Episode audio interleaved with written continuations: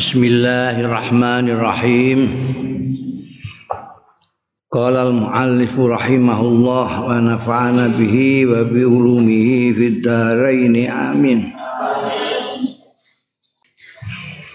Faslun Ruya dan riwayatake an Sa'id bin Musayyib Kala ngendika Sa'id Ja'a Sabikh At-Tamimi Teko sapa Sabikh At-Tamimi ila Umar bin Khattab.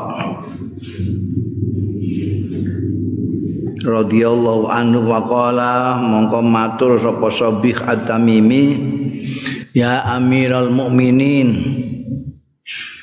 Akhbirni kula aturi ngabari panjenengan ing kula aniz zariyati zarwa maknane az-zariyati zarwa niku napa? Ning surat az-zariyat iku az-zariyati zarwa kala ngendika sapa sahabat Umar bin Khattab? Az-zariyatu zarwa iku ar-riyah angin piro-piro angin azariat angin. Zarwan sing berhembus angin-angin yang berhembus.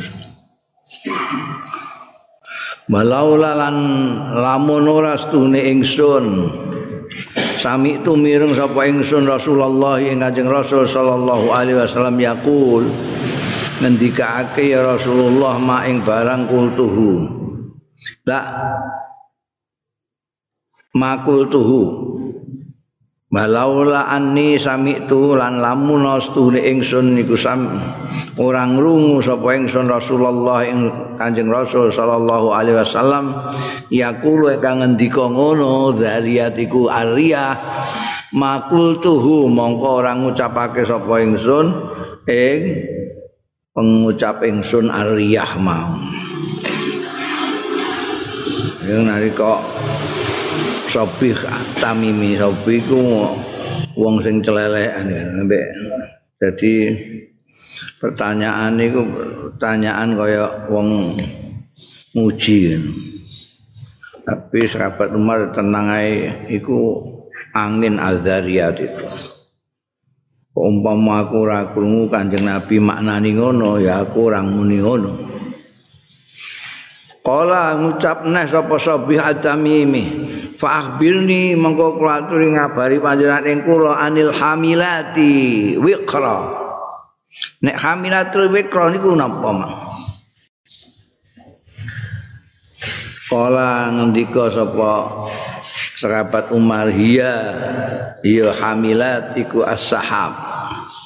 Hamilati wiqran itu mendung-mendung sing nurono udan walau la anni sami'tu lamun ora stune ingsun iku sami'tu mireng sapa ingsun Rasulullah ing Kanjeng Rasul sallallahu alaihi wasallam. Yaqulu ingkang ngendikake ngono makul tuh mongko ora ngucapake sapa ingsun hu ing maknane hamilat sahab ngono mau. Kala angkon apa sabih tamimi ceh ngomong ae. Fakhbirni Mugi ngabari jenengan anil muqassimat amra. Al muqassimat amra niku napa makna? Kala dawuh sapa diladeni wis kabat Umar.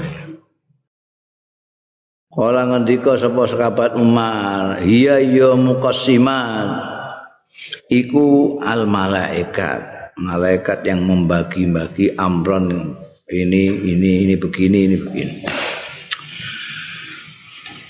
Walau lalan lamun ora setuhune ingsun sami tumireng sapa ingsun Rasulullah yang Kanjeng Rasul sallallahu alaihi wasallam yaqulu ingkang ngendikake ngono makul tuhu mongko ora ngucapake sapa ingsun hu ing malkur min annal muqassimat yal malaika. Kala sik ngomong ae iki Sobi at-tamimi fa akhbirni anil jariyati yusra. Nek al jariyati yusra niku napa? Kala ngendika sapa sahabat Umar hiya as-sufun. al jariyat yang berjalan dengan enak yusron iya iya al jariyat iku asufun pira-pira prau bahtera walau lan namun ora utawi ingsun stune ingsun ku sami tumireng sapa ingsun Rasulullah yang kanjeng Rasul sallallahu alaihi wasallam. Ya kulo ingkang ngendikake sapa kanjeng Rasul makul tuh mongko ora ngucapake sapa ingsun ing mazkur min annal jariyat hiya sufun Panjab ngusuma amaro moko keri-keri perintah sapa sahabat? Umar bin Khattab Amirul Mukminin. Bihi kelawan Sobi Sobi At-Tamimi. Bagi dicambuk Wadu riba mengkau dipukul sapa Sobi At-Tamimi mi'atan yang satu cambukan cambuk seratus. Kok ngerti sahabat Umar ngerti. Tujuannya sobi ngono itu nguji terus kepengin apa? Ben wong-wong Islam itu do bingung gitu. Ben engko nek jawabane piye? Amirul Mukminin piye? Jawabane bener ta ora? Jadi untuk ngaco lah. Mulane begitu. Wes jawaban tekan al jariyah di yusron. Iki dicampuk ping 100 paduri bamiatan. Wa ja'alahu fi baitin. Dikurung gak untuk metu-metu. Dadekake sapa sahabat Umar hu ing at-Tamimi bi baitin dalam omah. Untuk metu. Jadi ya ngerti wong iki pengaco ngaco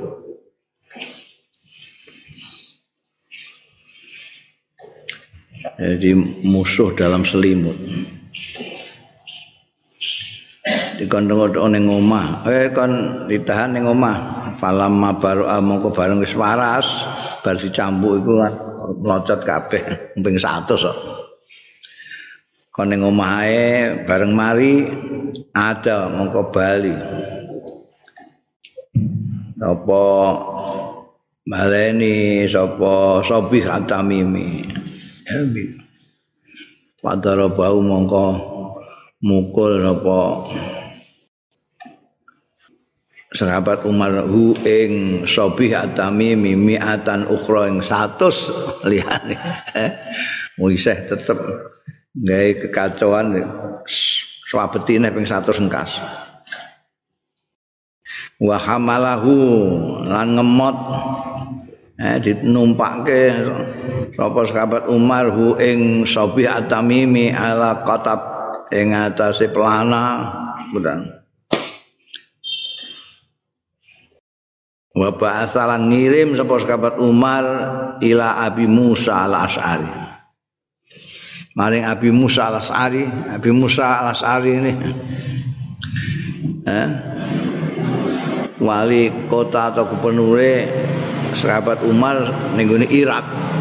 Jadi tumpakno unta kon mara ning Irak.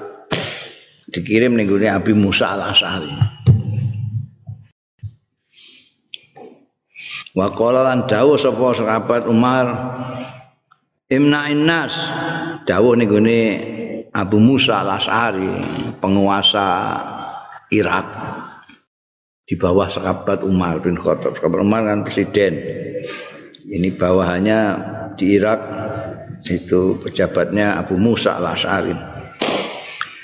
Didawi imna innas nyegau sira annas ing wong-wong min mujalasatihi saking kumpul ngumpuli mujalasah iku melok jagungan ngobrol apa lah pokoknya untuk bergaul min mujalasah saking bergaul karo sobih Atamimi. Ini bahaya. Dia ini pengaco ini.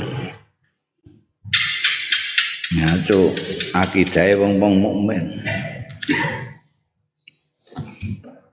Alam yazal mengkora kingse kingse sapa sobi atamimi. Ku kadzalika kaya mengkono-mengkono. Wes lara kabeh. ora ana kancane gak entuk jagongan mbek wong mong gak ana sing gelem dijagongi karena dilarang karo penguasane.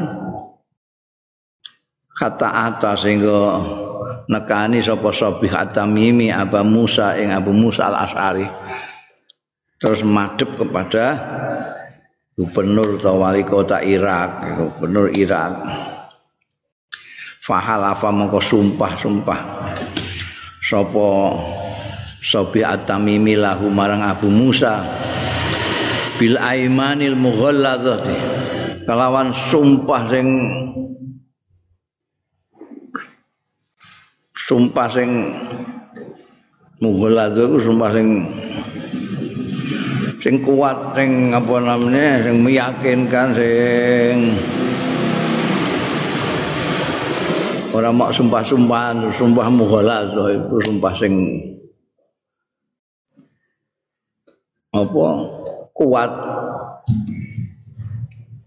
Oh wallahi demi Allah wallahi tallahi wes pokoke gak karu-karuan iku mughaladzah sumpah yang keras. Sumpah apa? Ma ya jitu fi nafsihi mimma kana. Ora nemu sapa sabir atamimi fi nafsi ing dalam awak dhewe ne sabih atamimi mimma kana saking barang kana kang ana. Iya sabih atamimi ya jitu nemu syai'an ing apa-apa. Jadi sumpah-sumpah sumpah yang mughalaz sumpah yang banget lah Wallahi billahi tallahi. Saya sudah kapok sudah tobat saya tidak akan bikin onar lagi tidak akan ngaco lagi. Saya betul-betul taat yakin. Ini sobi kancane Abu Lu'lu'ah. Yang kemudian nanti membunuh Sayyidina Ali. Eh Sayyidina Umar Pakataba mongko nulis sapa kirim surat sapa Musa al Abu Musa al As'ari fi dzalika ing dalem mengkono-mengkono.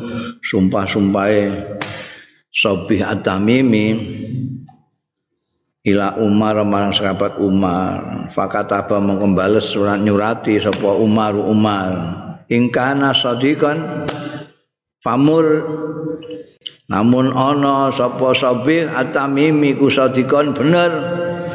Famurin nas. Mongko perintah sira annas ing wong-wong yujali suhu eh, oleh bergaul ya nasu ing.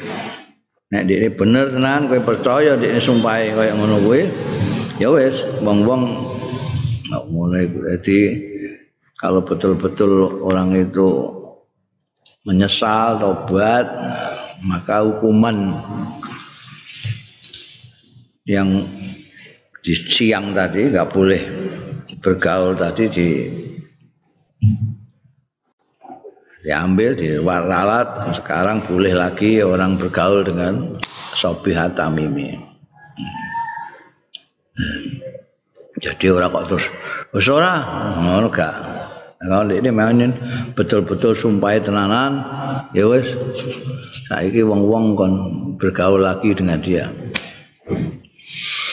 Oh itu itu kerasa sahabat Umar tapi juga bijaksana nih sahabat Umar. Faslun ahbarona Umar bin Ahmad al-Misimsar ahbarona Abu Bakr bin Abi Ali haddatsana Tabrani wa Ahmad bin Hammad Zaghabah. Haddatsana Sa'id bin Abi Maryam. Haddatsana Abi Luhai'ah. Luhai'ata an Abil Aswad. Annahu satuhune Abil Aswad. Sami Amir ya Abul Aswad. Umair bin Salamah ad-Duali ing Umair bin Salamah ad-Duali yaqulu ingkang ngucap ya Umair innahu stune kelakuan innahu satuhune Umair bin Salamah iku kharaja metu ya Umar ma Umar sekastane sahabat Umar bin Al-Khattab radhiyallahu anhu. Au akhbar Umar iki syakun minar rawi syak saka Abdul Aswad apa apakah Umar yang mengatakan dia keluar bersama sahabat Umar atau akhbar Umar mangkana ma Umar. Ngabari sapa Umar man ing wong kana kang ana ya man ana iku ma Umar bin Khattab. Jadi ada sak daripada Abdul Aswad. Apakah Umarnya sendiri yang keluar bersama sahabat Umar bin Khattab atau Umar menceritakan orang yang keluar bersama Sayyidina Umar bin Khattab Kala fa'ataina Umar Kala mengkong cap sapa Umar fa'ataina mengkong nekani kita Umar ing Umar niswan nahari ana ing tengah awan. Beduk ngono. Wa huwa khalil tais kabat Umar iku qailun. Itu sare. Hari ya. Sarap iku aneh. Nek qala yaqulu qailun iku maknane ngendika. Ngomong qala yaqulu qailun wong sing ngucap nek qala yaqilu qailun iku turu awan turu kailulah itu. Ya. Nah, terus niku ngertine sepune nek qailun iki saking qala yaqilu napa qala yaqulu. Ya kudu cerdas kowe ndelok siake kalam. Nek ngerti siake kalam ya. Wa huwa qailun ngendika fi dzilil hajaratin. Apa kaitane ngono ditekani qailun fi dzilil sajaratin. Dadi sare awan fi dzilil sajaratin. Di naungannya pohon dadi ayup-ayupan wit. Idja'at a'rabiyatun. Madaan teko sapa arabiyatun wong desa wedok. Patawas samatin nas mongko niti-niti ya arabia annasa ing wong-wong kaya golek ini. Delok sapa iki sapa iso? Fajat fajaathu. Mongko nekani sapa arabia mau u ing sahabat Umar bin Khattab.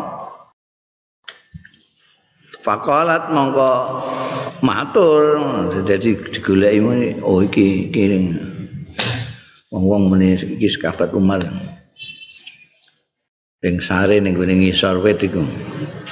Fakalat mongko matur sapa Arabia, Arabia wong dusun, wong dusun. Dusun cekek ora tau ning kutha. Faqalat mongko matur sapa Arabia, ini sedune kula. Niku imraatun miskinatun wong wedok sing miskin. Walilan iku kedue kula banun.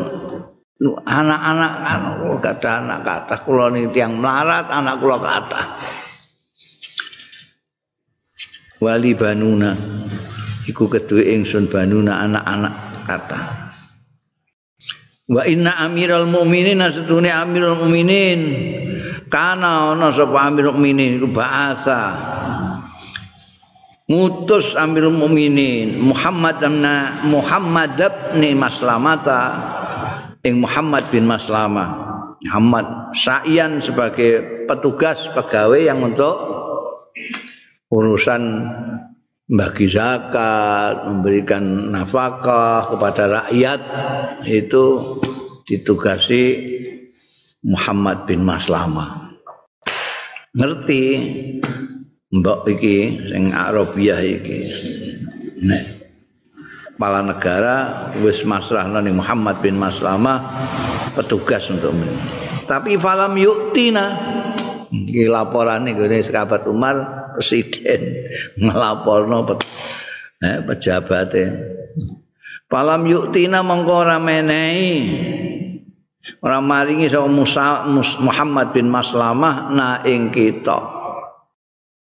Kula mboten kebagian mboten diparingi.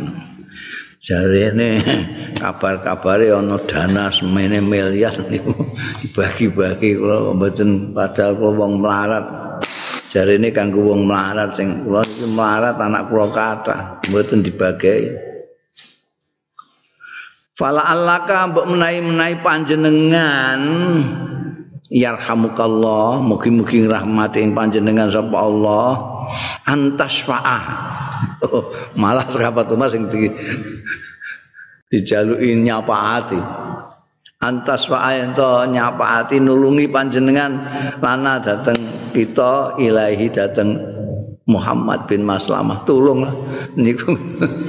Njaluk tulung sapaat jenengan. Muhammad bin Maslamah niku sepundi sebagai petugas pembagian kebetulan bagi kula. Olah ngendika sapa Umair? Fasaha. Mongko teriak sapa sahabat Umar. Gembor ya yarfa. Eh yarfa Yarfa itu nek saiki ya ajudan lah, ajudan apa asprine sahabat Umar itu Yarfa. Ajudan. Langsung diundang. Yarfa. Utuli Muhammad bin Salam. Mireng laporane Mbok desa iku mau langsung. Ya, ndak nunggu apa gempor. Yarfa. Undanglah aku. Utuli undang sira li anggo ingsun Muhammad bin Maslamah Muhammad Maslamah kon rene? Pakolat mengko matur sapa Arabia Inna ustune kelakuan iku anjah li hajati. Langkung berhasil li hajati kangge hajat kula antaku mau tai yen to jumeneng panjenengan mai sartane kula ilahi marang Muhammad bin Nasam. Kula kinten langkung saya niku langkung eh, langkung langsung sukses nek jenengan kali kula niku marani Muhammad bin Maslamah mawon. Ngono iku jalan. Kok ngundang kula gak gak trimo ya. Pokoke betul mawon mereka. Kala ngendika sapa sahabat Umar, "Innau saya insyaallah cukup khawatir. Innau satune Muhammad bin Mas'al Mas'alamah saya faru. Bakal nindakake so Muhammad bin Maslama insyaallah. Tenan fajahu mongko nekani sahabat Umar sapa yarfa yarfa faqala Umar mongko dawuh sapa sahabat Umar radhiyallahu anhu Wallahi ma'alu anahtara khiyarakum. Demi Allah ma'al. Ora gegabah sapa ingsun, ora sembrono sapa ingsun an akhtara yen to milih sapa ingsun khiyarakum ngati-ati wis tak pertimbang milih mong-mong pilihan ira kabeh. Muhammad bin Maslama itu orang yang saya pilih. Dukani. Yarfa datang bersama Muhammad bin Maslamah Abad Umar duka Aku wis tak pikir masak-masak milih orang yang terpilih. Kaifa anta qailun? Kepriye? Anta utai sira iku qailun jawab engko iku idza sa'alaka Allahu an hadhihi. Tetkalane ndangu ing sira sapa Allah Gusti Allah an hadhihi sangi iki. Eh? Kowe engko njawab apa nek didangu karo Gusti Allah nek yaumul hisab. Kowe kok ora menehi wong wedok iki rakyat padahal iku tugasmu. Pada maat mongko dileweran apa aina Muhammadin netra kali Muhammad nangis ditukani ngono di elingno yaumul hisab nangis. Ya. Wong biyen ya. Elingno ya nangis. Saiki wae elingno ya. Hmm. dibantah wae. Sumakala mongko keri-keri dawuh sahabat Umar. innallaha sak temene Gusti Allah iku ba'atsa ngutus sapa Allah ilaina marang kita. Ngutus Muhammadan. Ing Kanjeng Nabi Muhammad. Nabiyahu ya nabine Allah sallallahu alaihi wasallam. Fasaddaqnahu. Mongko mercayani kita benerake kita. Ing Anjing Nabi Muhammad sallallahu alaihi wasallam. Bataba'nahu lan mengikuti kita ing Kanjeng Nabi Muhammad sallallahu alaihi wasallam. Fa'amila bima amarahullahu bihi. Mongko nindakake bima amara nindakake sapa Kanjeng Nabi Muhammad sallallahu alaihi wasallam nindakake ngamalake bima kelawan barang amarahullah sing merintahake ing Kanjeng Nabi Muhammad sallallahu alaihi wasallam bihi kelawan ma. Paja'ala mongko ndadekake sapa Kanjeng Nabi Muhammad sallallahu alaihi wasallam atas perintahnya Allah tadi as-sadaqata ing sedekah li ahliha zakat li ahliha kanggo sing berhak sedekah. Minal masakin saking wong-wong miskin. Hatta qabadahullah. Sampai mundut ing Kanjeng Nabi Muhammad sallallahu alaihi wasallam sapa Allah Gusti Allah ala zalika ing atase mengkono-mengkono pelaksanaan ma'amarahullah ma'a Sumas takhlafa mau keri-keri amrih ganti sapa Allah. Abu Bakrin yang sahabat Abu Bakar. Fa'amila mongko mengamalno ya Abu Bakar bi sunnatihi kelawan sunnah Kanjeng Nabi Muhammad sallallahu alaihi wasallam. Hatta qabidahullah. Hatta qabidahullah sehingga mundut ing Abu Bakar sapa Allah Gusti Allah taala sumastakhlafani. Mongko keri-keri amrih ganti sapa Allah ing ingsun. Falam alu an ahta. Mongko ora sembarangan sapa ingsun an akhtara yen to milih sapa ingsun khiyarakum ing pilihan-pilihan ira kabeh. Fa'ati mongko nekakno sira ilaiha marang Arabia iki sedekah sedekah am ing sedekah setahun wa amil awal lan tahun pertama. Mulai dari tahun pertama. Rapeli tahun pertama. Eh kon ngrapel yo. Kan biyen gak dikek ya tahun pertama. Setahun kayak dimulai dari amul awal. Jadi sahabat Umar bin Khattab itu ngelingno karo Muhammad bin Maslamah dan yang lain-lain bahwa Kanjeng Nabi Muhammad sallallahu alaihi wasallam itu diutus oleh Allah Subhanahu wa taala untuk kepentingan manusia. Allah mengutus Kanjeng Nabi Muhammad sallallahu alaihi wasallam sebagai utusan yang terakhir untuk menjelaskan hal-hal yang sebetulnya semuanya ini untuk kepentingannya manusia. Antara lain memerintahkan untuk memberikan zakat kepada yang berhak orang-orang miskin supaya tidak ada kemiskinan di dalam masyarakat tidak ada yang saling mendengki sehingga tidak ada permusuhan antara orang yang miskin dengan orang yang kaya Nah, kanjeng Nabi Muhammad Sallallahu Alaihi Wasallam sebagai utusan yang diutus oleh Allah Subhanahu Wa Taala, maka melaksanakan pertama kali apa yang diperintahkan Allah itu ya kanjeng Nabi. Khud min amwalikum min amwalihim sodakot.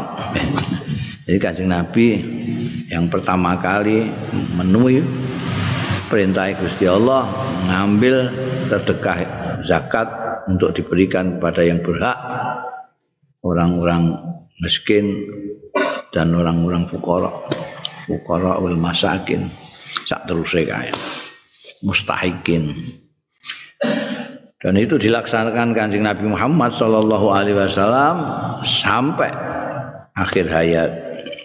Jadi selalu merintahkan memberikan sedekah kepada orang-orang miskin. Hingga gak ana wong oh, nolong ngerampok wong ana zaman itu. Setelah Kanjeng Nabi kapundut diteruskan penggantinya yaitu sahabat Abu Bakar. Sahabat Abu Bakar tidak sedikit pun ngowai apa yang dilakukan oleh Kanjeng Nabi Muhammad. Jadi sahabat Abu Bakar mengikuti sunnahnya Rasulullah Sallallahu Alaihi Wasallam. Sahabat Umar, saya ini sekarang gantinya sahabat Abu Bakar. Jadi saya ini tolonglah. Nah itu dah milih wis tak pikir tenang tak tak goleki wong sing kira-kira amanah iku awakmu tak kongkonan kok kowe kok bladrah ngono? Eh saiki wae. Pati ilaiha sadaqatal am wa am awal. Wa ma'adri mongko ora ngerti sapa ingsun lali mbok menawa ingsun iku laab asuka ora ngutus sapa ingsun ing sira.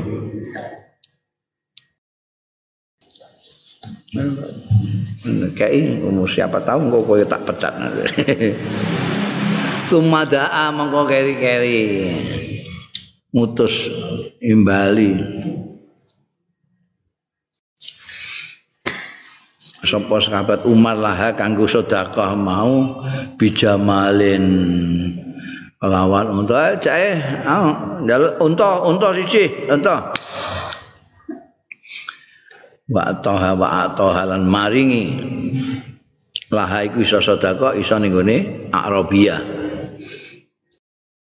Jadi sahabat Umar minta unta untuk kepentingan perempuan ini. Eh, gue ini unta ambil ambilkan unta. Wa tohalan maringi sapa sahabat Umar. Ha ing Arabia daqiqan wa zaitan. Eh apa sing dienggo gawe roti barang apa jenenge? Eh glepung glepung apa apa terigu glepung? Wa zaita apa sing dienggo anu lho sing dienggo gawe roti. Dakikan wa zaitan lan minyak nggo goreng-goreng. Saiki ini sembako lah. Waqala lan dawuh sapa sahabat Umar, "Khudhi hadza Iki iki ya, iki gawe iki. Apa jenenge? Lepung apa terigu iki ambekan anu iki? Khudhi hadza iki. Halta talhaqina sehingga metuki sira ing kita nggo bi Khaibar ana ing Khaibar. Kita ketemu ketemu lagi nanti di Khaibar. Ini dulu bahwa Pak Inna mengkosune kita iku nuriduha sedang akan berangkat kita ha ing nuju kita ha ing Khaibar. Kita itu memang mau ke Khaibar. Buru-buru pada waktu itu. Yo siki ae, iki ae go sik. Engko ketemu nang ning Khaibar ya. Jadi gawani unta ambek tepung rumah. Iki ben cepet iso mbok gawe roti kanggo anak-anakmu. Engko susul ning gone Khaibar. Fa'atat mongko nekani sapa Arabia ing sahabat Umar bin Khattab bi Khaibar ana ing Khaibar. Pada mongko ngutus nimbali sapa sahabat Umar won bijamal minta sapa sahabat Umar bijamala ini kelawan unta loro akhara ini sing liya karone. Selain yang sudah dikasihkan tadi sekarang diberikan dua unta lagi. Wa qala lan dawuh sapa sahabat Umar khudhi hadza. Ngalapo sira wadon hadza ing iki?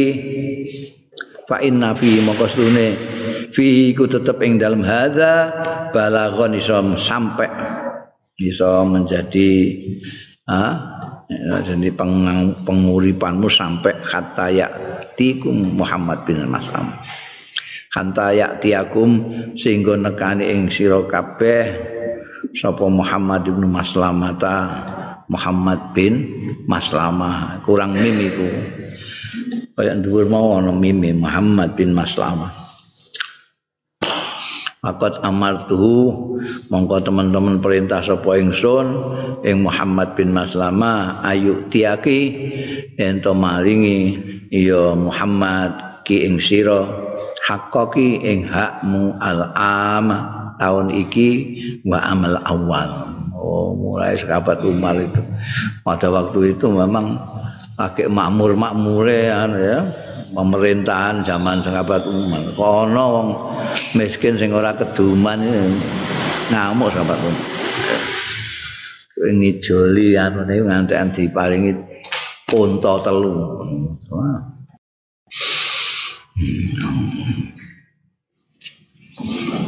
Mulane dicintai oleh rakyatnya sebab itu memperhatikan peduli sekali dengan laporan-laporan melaporkan tentang pejabat itu ditindaklanjuti ora kok mau ditumpang tampung tok. Ya saya tampung lah. Jadi kamu tidak dikasih ya? Ya, ya nanti kita uruslah tampung.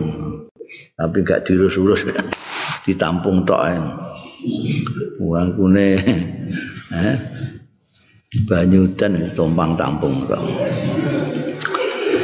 Faslun akhbarana Abdurrahman bin Ismail As-Sabuni. Akhbarana ngabari ing kita sapa Abdul Ghafir bin Muhammad Al-Farisi. Hadatsana ada nitani ing kita sapa Muhammad bin Isa. Hadatsana Ibrahim bin Muhammad bin Sufyan. Hadatsana Muslim bin Hajjaj. Hadatsana Al-Hasan Al-Khalwani wa abdu nu hamid akhbarani yaqub wa huwa ibnu ibrahim bin sa'ad yaqub iki ibnu ibrahim bin sa'ad haddatsana abi an salih Saka Saleh an Ibn Shihab Ahbarani Abdul Hamid bin Abdurrahman bin Zaid an Oh, terus saya bilang Anna Muhammad eh? Iya. Eh? Anna Muhammad bin Sa'din bin Abi Waqas ahbarau ya benar.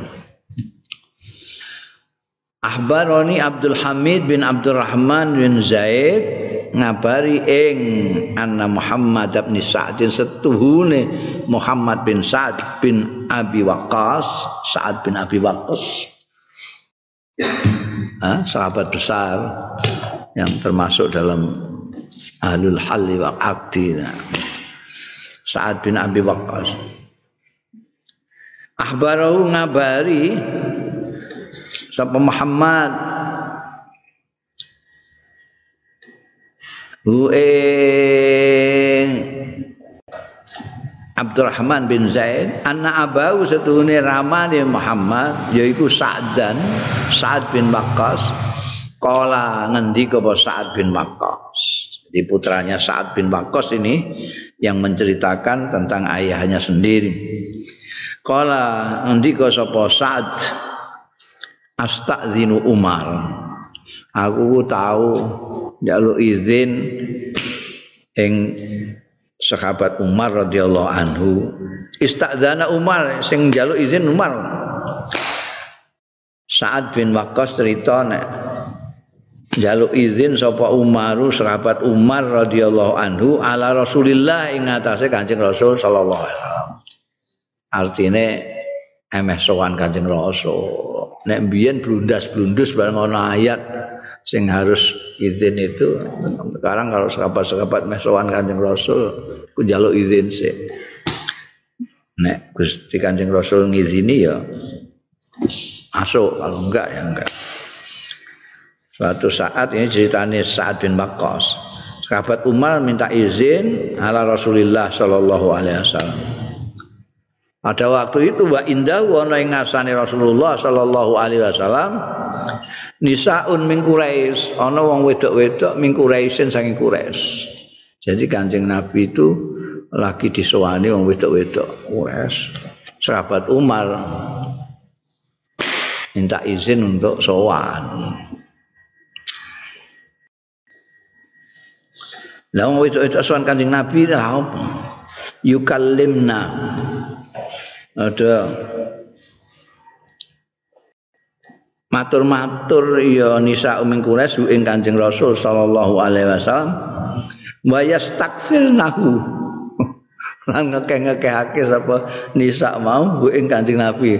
Pasti ceriwis ngomong ngalor gitu gak barbar. Wong wong wedok nek kadung geneman gak leren-leren. Oh. Apa meneh iki wong ngameh matur mek Kanjeng Nabi bareng kan asik dekat Kanjeng Nabi dadi ngomongnya was ceriwis banget ya taksir. Ndikane itu. Kadal sekabat rumah iki emeh sowan ora trimo ngecoplos suwine ra karuan tapi aliyatan aswatu. Tur buanter. Apa aswatu huna suara-suarane mau buanter cekik cekik Falam mas takzana, mongko bareng krungu suarane sekabat Umar jaluk izin, kula nuwun. Assalamualaikum. Bareng krungu sekabat Umar istazana kumna mongko dungu adek kabeh nisa mau ya gres yap tadirna al hijab duk Kuwa cepet-cepetan nutupi awak nutupi tutupi kabeh nganggo hijab kabeh Fa'adzina moko ngidini lahu marang sahabat Umar sapa Rasulullah Kanjeng Rasul sallallahu alaihi wasallam. Wa Rasulullah alaihi utai Kanjeng Rasul sallallahu alaihi wasallam ku yathak yathak nguceng. Ndelok polahe wong wedok itu iki krungu suarane sekabat Umar tuh serikutan tok kudungan.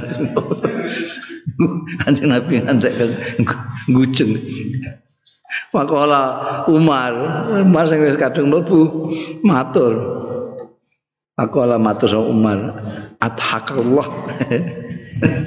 Muga-muga nyenengake ing panjenengan sapa Allah. Gusti Allah ya Rasulullah. Jenengan ketoke gembira. Jadi dongakno muga-muga Gusti Allah gembiraaken panjenengan. Ataka itu. Kanten napa kula jenengan kandhani jenengan iki kekelen kalih napa? Oke nek kula ngerti kula melak-melak guyu Faqala Rasulullah sallallahu alaihi wasallam mengko dawuh sapa Kanjeng Rasul sallallahu alaihi wasallam Ajibtu aku gawok min haula illai kunna indahun. Aku gawok angking iku wedok-wedok itu Allah iku kang ana ya wedok-wedok iku indahuna ana sandingi Allah Mbah Bukan apa wong wedok-wedok iku. Falam masami'a salam masumi'a hmm, ya samia ya. Ana nune. Ya ana nune ya malah kepenak iku. Nek ora ya kudu diwaca sumi'a. Nek ana nune iku sing bener. Mau iki mau kunna indauna falamma sami'na Sami'a sami'a sami'u sami'a sami'ata sami'na. Oh iku asli pane aku isa eling. Sami'na. Alamma sami'na monggo bareng mireng sapa alai sautaka ing swaramu ibtadalna monggo age-age al hijab serikutan kudungan gak karepe rasane ya sak enake dhewe ngono ae. Ngomong gak karepe dhewe ana kowe suku suaramu langsung gidro-gidro. Kala Umar matur sapa Umar sahabat Umar. Anta utai panjenengan ya Rasulullah lho Kanjeng Rasul iku ahakku langkung berhak ayhabna yen to sungkan nisane mesti ini jenengan sing langkung disungkani niku kok sungkan kok kali kula. Cah itu ini sepudi karepe. Jane sing luwih berak disungkani jenengan. Tumakola monggo kere-kere dawuh sapa sekabar umat. Ai aduat ampusin. He Ai aduat ampusin. He musuh-musuh awak-awake dhewe. Nyengeni cawe wong wedok-wedok iku mau. Musuh-musuh awake dhewe. Musuh-musuh awake dhewe iku padha karo yazlimu nafsahu. Zalimi awake dhewe. Gak ngregani awak gak ngregani awak. Ya adua di ampusihin. Atahibnani. Atahibnan ana ta kowe sungkan sira kabeh ing ingsun wala tahibna Rasulullah sallallahu alaihi wasallam ora sungkan sira kabeh ing Kanjeng Rasul sallallahu alaihi wasallam udah sungkan karo aku ora sungkan mek Kanjeng Rasul mau sengeni Kulna jawab ya wong itu itu. Naam. Iya pancen. Awet itu mbok lawan. Iki lho madoni, muani. Naam, nggih. Anta utahe panjenengan iku aglat luweh kuasa mbak afwat. Luweh kejem min Rasulillah Wedi jenengan. Jenengan luweh keras luweh kejem min Rasulillah saking Kanjeng Rasul sallallahu alaihi wasallam. Wedi di kabeh sahabat Umar kanjeng Nabi ku wong nyawang wedanane senenge ra karuan ora wedi wong. Sahabat Umar menciring ngono wis dong geter kabeh wong-wong. Jenengan iku alzat wa afal. Padahal kanjeng Nabi iku lembut lintalahum walau kunta ghalidhal qalb lam fadhu min hauli dawe Quran ngono umpamane Kanjeng Nabi itu keras kayak sahabat umat yang belayu kabeh bengkok Oh itu itu dan jawab ngono. Kala dawuh sapa Rasulullah sallallahu alaihi wasallam. Waladzi nafsi biadi. Enggak diberitakan sahabat Umar piye di buantah wong itu itu.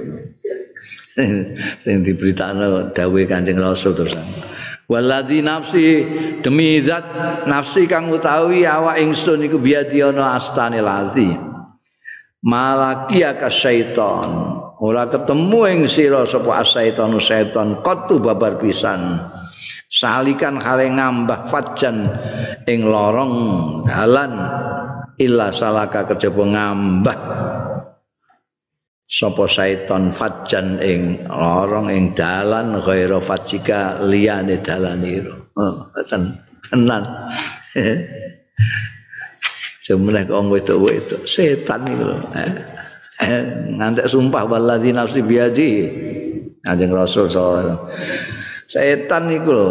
Iku janji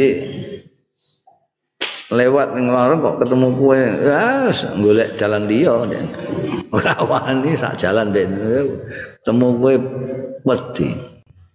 Setan ae wedi apa meneh wong wedok-wedok. Qala wa haddatsana Muslim bin Al-Hajjaj. Haddatsana mau sapa sing ngadasan mau ya? Hmm. Umar bin Ahmad Simsar mau ya Heeh. Ini gini mau. Yang pertama mau sapa? Abdurrahman bin Ismail As-Sabun. Hadatsana Muslim bin Hajjaj Ini mau kan ya enek, Hadatsana Muslim bin Hajjaj, tapi mau sing ngendikake Muhammad bin Sufyan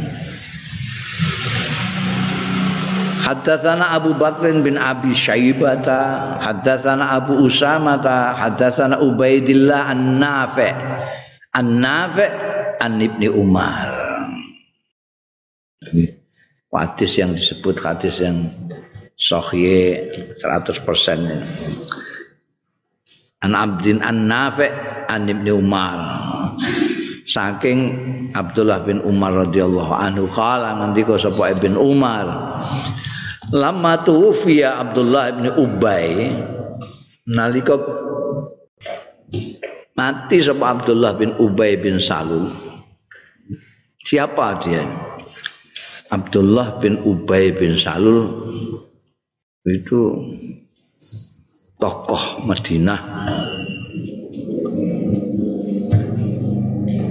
Tokoh Madinah yang hampir disepakati oleh dua suku di Medina, Khazraj sama Aus, untuk dijadikan pimpinan. Tiba-tiba datang Rasulullah Sallallahu Alaihi Wasallam. Wahai sadah wong-wong Wah, ada Abdullah bin Ubay. Iki kok Kanjeng Nabi itu koyo ngene bijaksana nih ngene api. Akhirnya ya kan kanjeng Nabi yang diikuti orang eh, Mbah Dongkol Mbah Bi Abdullah bin Ubay bin Salul ini terus tetap penglialiane iku tokoh-tokoh Madinah ku kabeh do iman karo Kanjeng Rasul sallallahu alaihi wasallam. Ndikne ora iman ya diguyu cah cilik-cilik. Mulanya dia menampakkan imannya. Tapi ning jero ne ora. Nek ngomong wapi ora karuan. Mbek Kanjeng Nabi itu masyaallah tapi di dalam hatinya itu tidak iman. Ya dengan bahasa yang populer terus disebut munafik itu. Ketika dia mati Ja'a ibnuhu teko sapa ibnuhu putrane Abdullah bin Ubay. Asmane juga Abdullah Abdullah bin Abdullah. Jadi nek cara saiki ini Abdullah junior. Ya. Abdullah bin Ubay sing tak critakno mau Abdullah senior. Abdullah bin Ubay. Iki Abdullah bin Abdullah bin Ubay. Jenenge padha Abdullah sing Abdullah junior iki Abdullah bin Abdullah bin Ubay iki sing sowan ila Rasulillah marang Kanjeng Rasul sallallahu alaihi wasallam. Nah iki wis Islame tenanan sing anake iki jaba jero. Sowan Kanjeng Nabi fasa'alahu nyuwun sapa Abdullah bin Abdullah u ing Kanjeng Rasul sallallahu alaihi wasallam nyuwun ayyuk tiahu yen to maringi sapa Kanjeng Rasul sallallahu alaihi wasallam hu ing Abdullah komisahu ing klambine kamise Kanjeng Rasul sallallahu alaihi wasallam. Mbok nggo apa? Yukafinu fihi abah.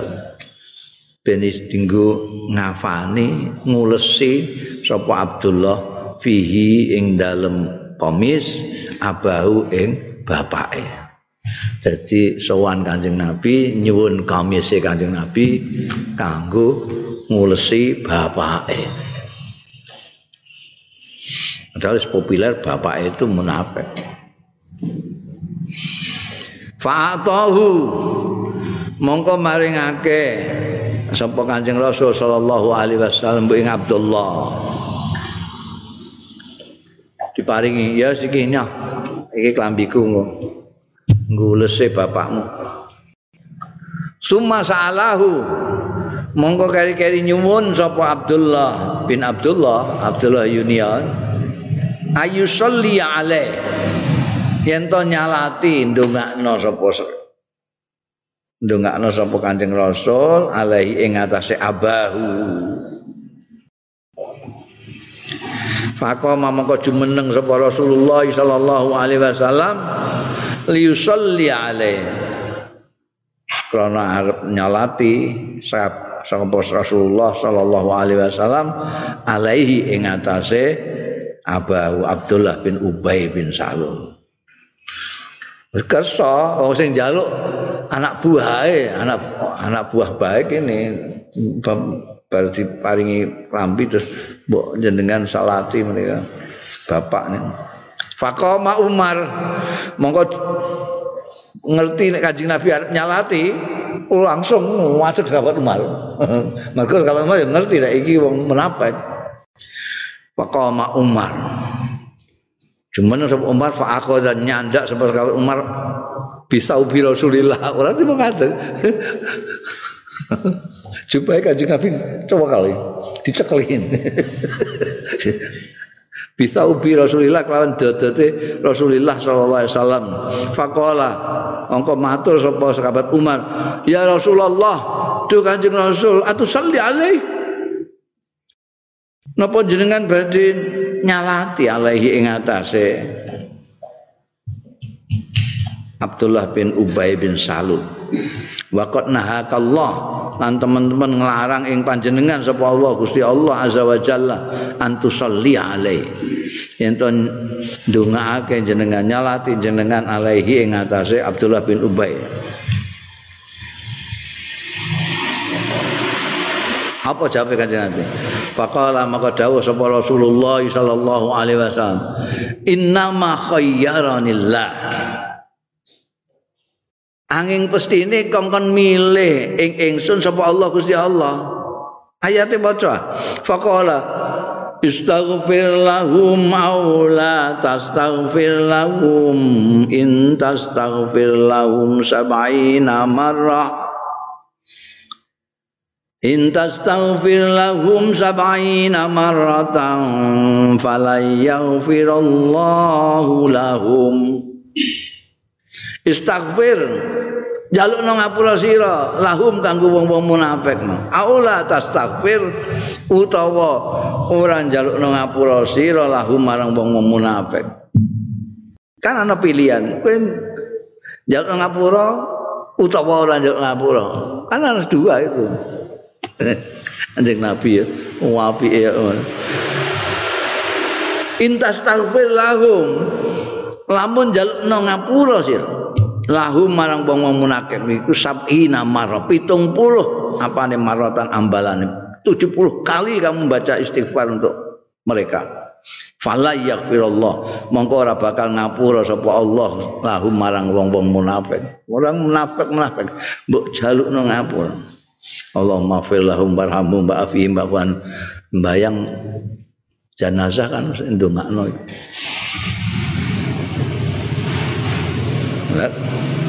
lah terus dawuh mbok ngam njaluk nang ngapura ngarep ping 70 kok ora di ngapura kok.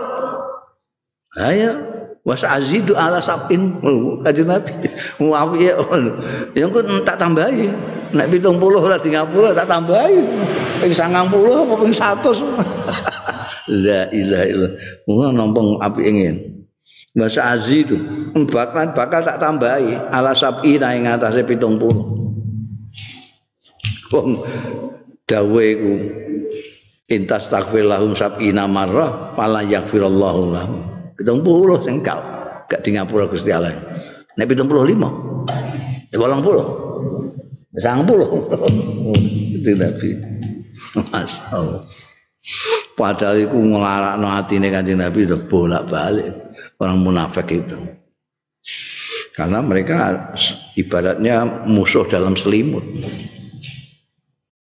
nek nek kumpul ambekan wong-wong ngajeng Nabi barang ya api era karuan tapi nek metu Wah, mongane ala era karuan. Kanjeng Nabi saya ngono. Faqala maka matur sapa sahabat Umar innahu munafik. Innahu sunne Abdullah bin Ubay munafik. Kanjeng Nabi tetap fasalla alaih. Monggo salat sampai kanjeng Nabi alaih ing atase Abdullah bin Ubay bin Salul sapa Rasulullah sallallahu alaihi wasallam. Fa anzalallah. Mongko nurunake sapa Allah azza wa jalla ing ayat wala tusalli ala adim minhum mata abada wala takum ala qabri. Padha karone usulane sahabat Umar ya. Wala tusalli lan aja nyembayangi sira ala akadin ing atase wong suwiji minhum saking wong-wong mata sing mati ya ahad abadan selawase ana sing maknani mata abadan iku so matine ngantek dengan neraka mati terus. Ana sing maknane ana sing maknani wala tusalli ala ahadin minhum saking wong-wong munafik mau mata sing mati ya ahad. Kapan kan? Abadan selawase kan untuk pokoknya munafik aja disalati wala takum lan aja jumeneng sira ala kubri ing atase kuburane nah, itu sing kemudian sahabat Umar itu selalu nandani iku. Abu Huzaifah Al-Yamani itu sahabat sirrul Rasul sallallahu alaihi wasallam yang diberitahu hanya sahabat itu bin Al-Yaman itu yang Abu Huzaifah Al-Yaman itu yang diberitahu kanjeng Nabi Muhammad Shallallahu Alaihi Wasallam ini munafik itu liane orang diberitahu. Mulai sahabat Umar kalau ada orang yang meninggal di ya, itu Abu Hudzaf al Yaman itu nyalati pokok. Kalau dia nggak nyalati, dia ini melok orang gak nyalati. Ya mesti munafik. Bafi riwayatin, enak ingkene riwayate iki kan fasol alaihi Rasulullah. Ana riwayat liya sing ngendi fataro kasolatu alaihim. Mongko tinggal sapa Kanjeng Nabi as-salata ing nyembayangi alaihim ing atase wong-wong munafik sing padha mati.